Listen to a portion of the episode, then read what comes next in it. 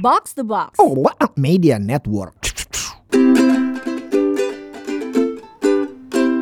Mencoba minimalis.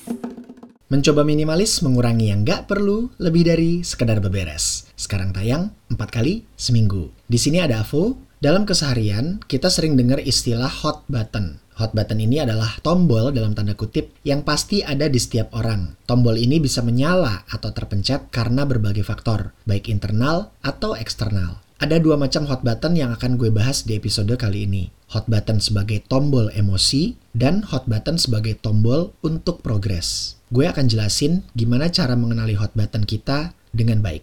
Hot button sebagai tombol emosi itu bisa didefinisikan sebagai an emotional and usually controversial issue or concern that triggers immediate intense reaction. Jadi hot button itu adalah hal-hal yang simply bisa triggering emosi kita dan biasanya emosinya itu cenderung negatif. Tiap orang pasti punya hot button yang beda-beda ya. Ada yang bisa kepancing karena hal-hal yang receh, tapi ada juga yang baru bisa ngamuk kalau triggernya edan. Tapi, gak semua orang aware sama keberadaan hot button ini. Mereka akan cenderung reaktif tanpa pernah bisa memahami triggernya apa atau gimana cara ngatasin diri sendiri ketika hot buttonnya kepencet.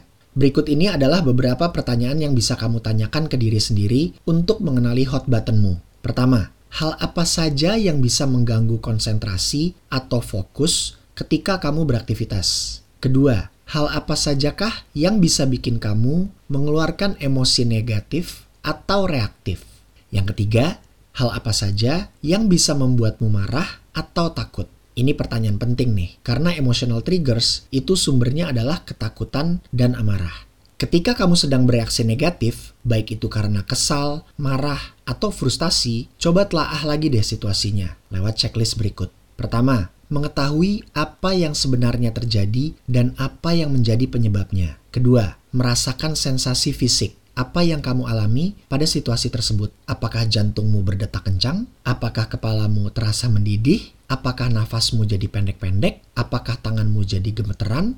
Dan berbagai reaksi fisik lainnya. Ketiga, merasakan reaksi psikis. Ingat, perasaan itu layernya berlapis ya, jadi perlu dipilah-pilah. Keempat, respon apa yang biasanya kamu lakukan. Dan yang terakhir, apakah pattern atau pola semacam ini juga terjadi pada aspek lain di hidupmu atau aspek-aspek tertentu saja. Kalau case tadi gue nih ya, hot button gue itu biasanya ada tiga. Pertama, kalau ada barang yang hilang atau lupa ditaruh di mana. Wah itu gue biasanya cepat banget tuh emosinya.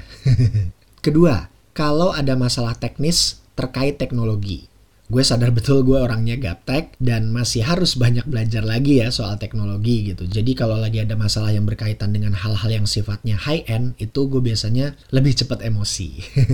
nah yang ketiga, hot button gue itu paling cepat kepencet kalau ada orang yang gak beres, baik itu gak profesional atau jahat yang zolim sama gue atau zolim sama orang-orang di sekitar gue. Wah, itu gue cepet banget tuh emosinya.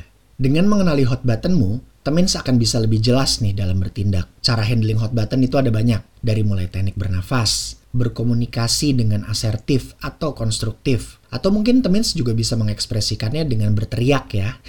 Tentunya cari tempat yang aman dulu, biar nggak bikin heboh.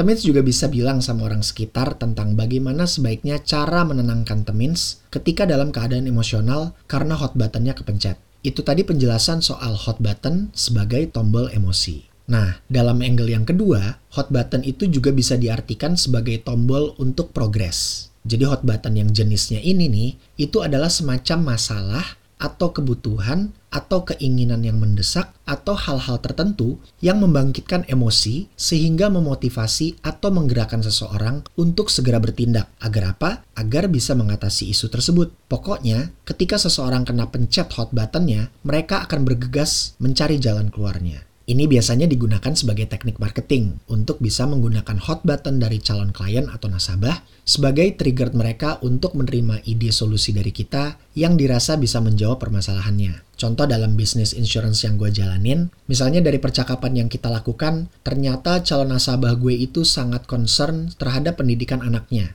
Dia mau anaknya bisa sekolah sampai lulus perguruan tinggi. Nah, hot buttonnya dia itu adalah ketakutan atau rasa takut jika dia tidak bisa provide anaknya dengan dana pendidikan yang cukup. Dari situ, gue bisa menyarankan opsi proteksi dan atau investasi yang bisa diambil, seperti membuka UP jiwa dan atau investasi jangka panjang, seperti reksadana atau saham. Sehingga tujuan calon nasabah gue untuk menyekolahkan anaknya sampai lulus itu bisa tercapai. Dengan demikian, solusi yang gue berikan itu bisa menjawab isu-isu yang jadi hot buttonnya.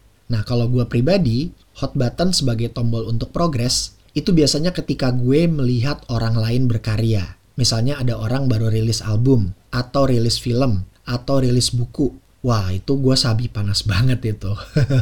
hot button yang jenisnya seperti ini, itu bisa berfungsi untuk menggerakkan diri kita untuk ke arah yang lebih baik. Jadi gue sarankan buat teman-teman, coba deh explore hot button kalian itu kayak apa aja sih, baik itu hot button sebagai tombol emosi, agar kalian bisa lebih mengendalikan diri, dan juga hot button sebagai tombol penggerak, agar teman-teman bisa terus maju. Mudah-mudahan cerita dan tips soal hot buttonnya bisa bermanfaat ya. Kita ketemu lagi di episode selanjutnya dengan konten-konten yang selalu gurih. Hihihi. Avo Chaps. Mwah. Mencoba minimalis.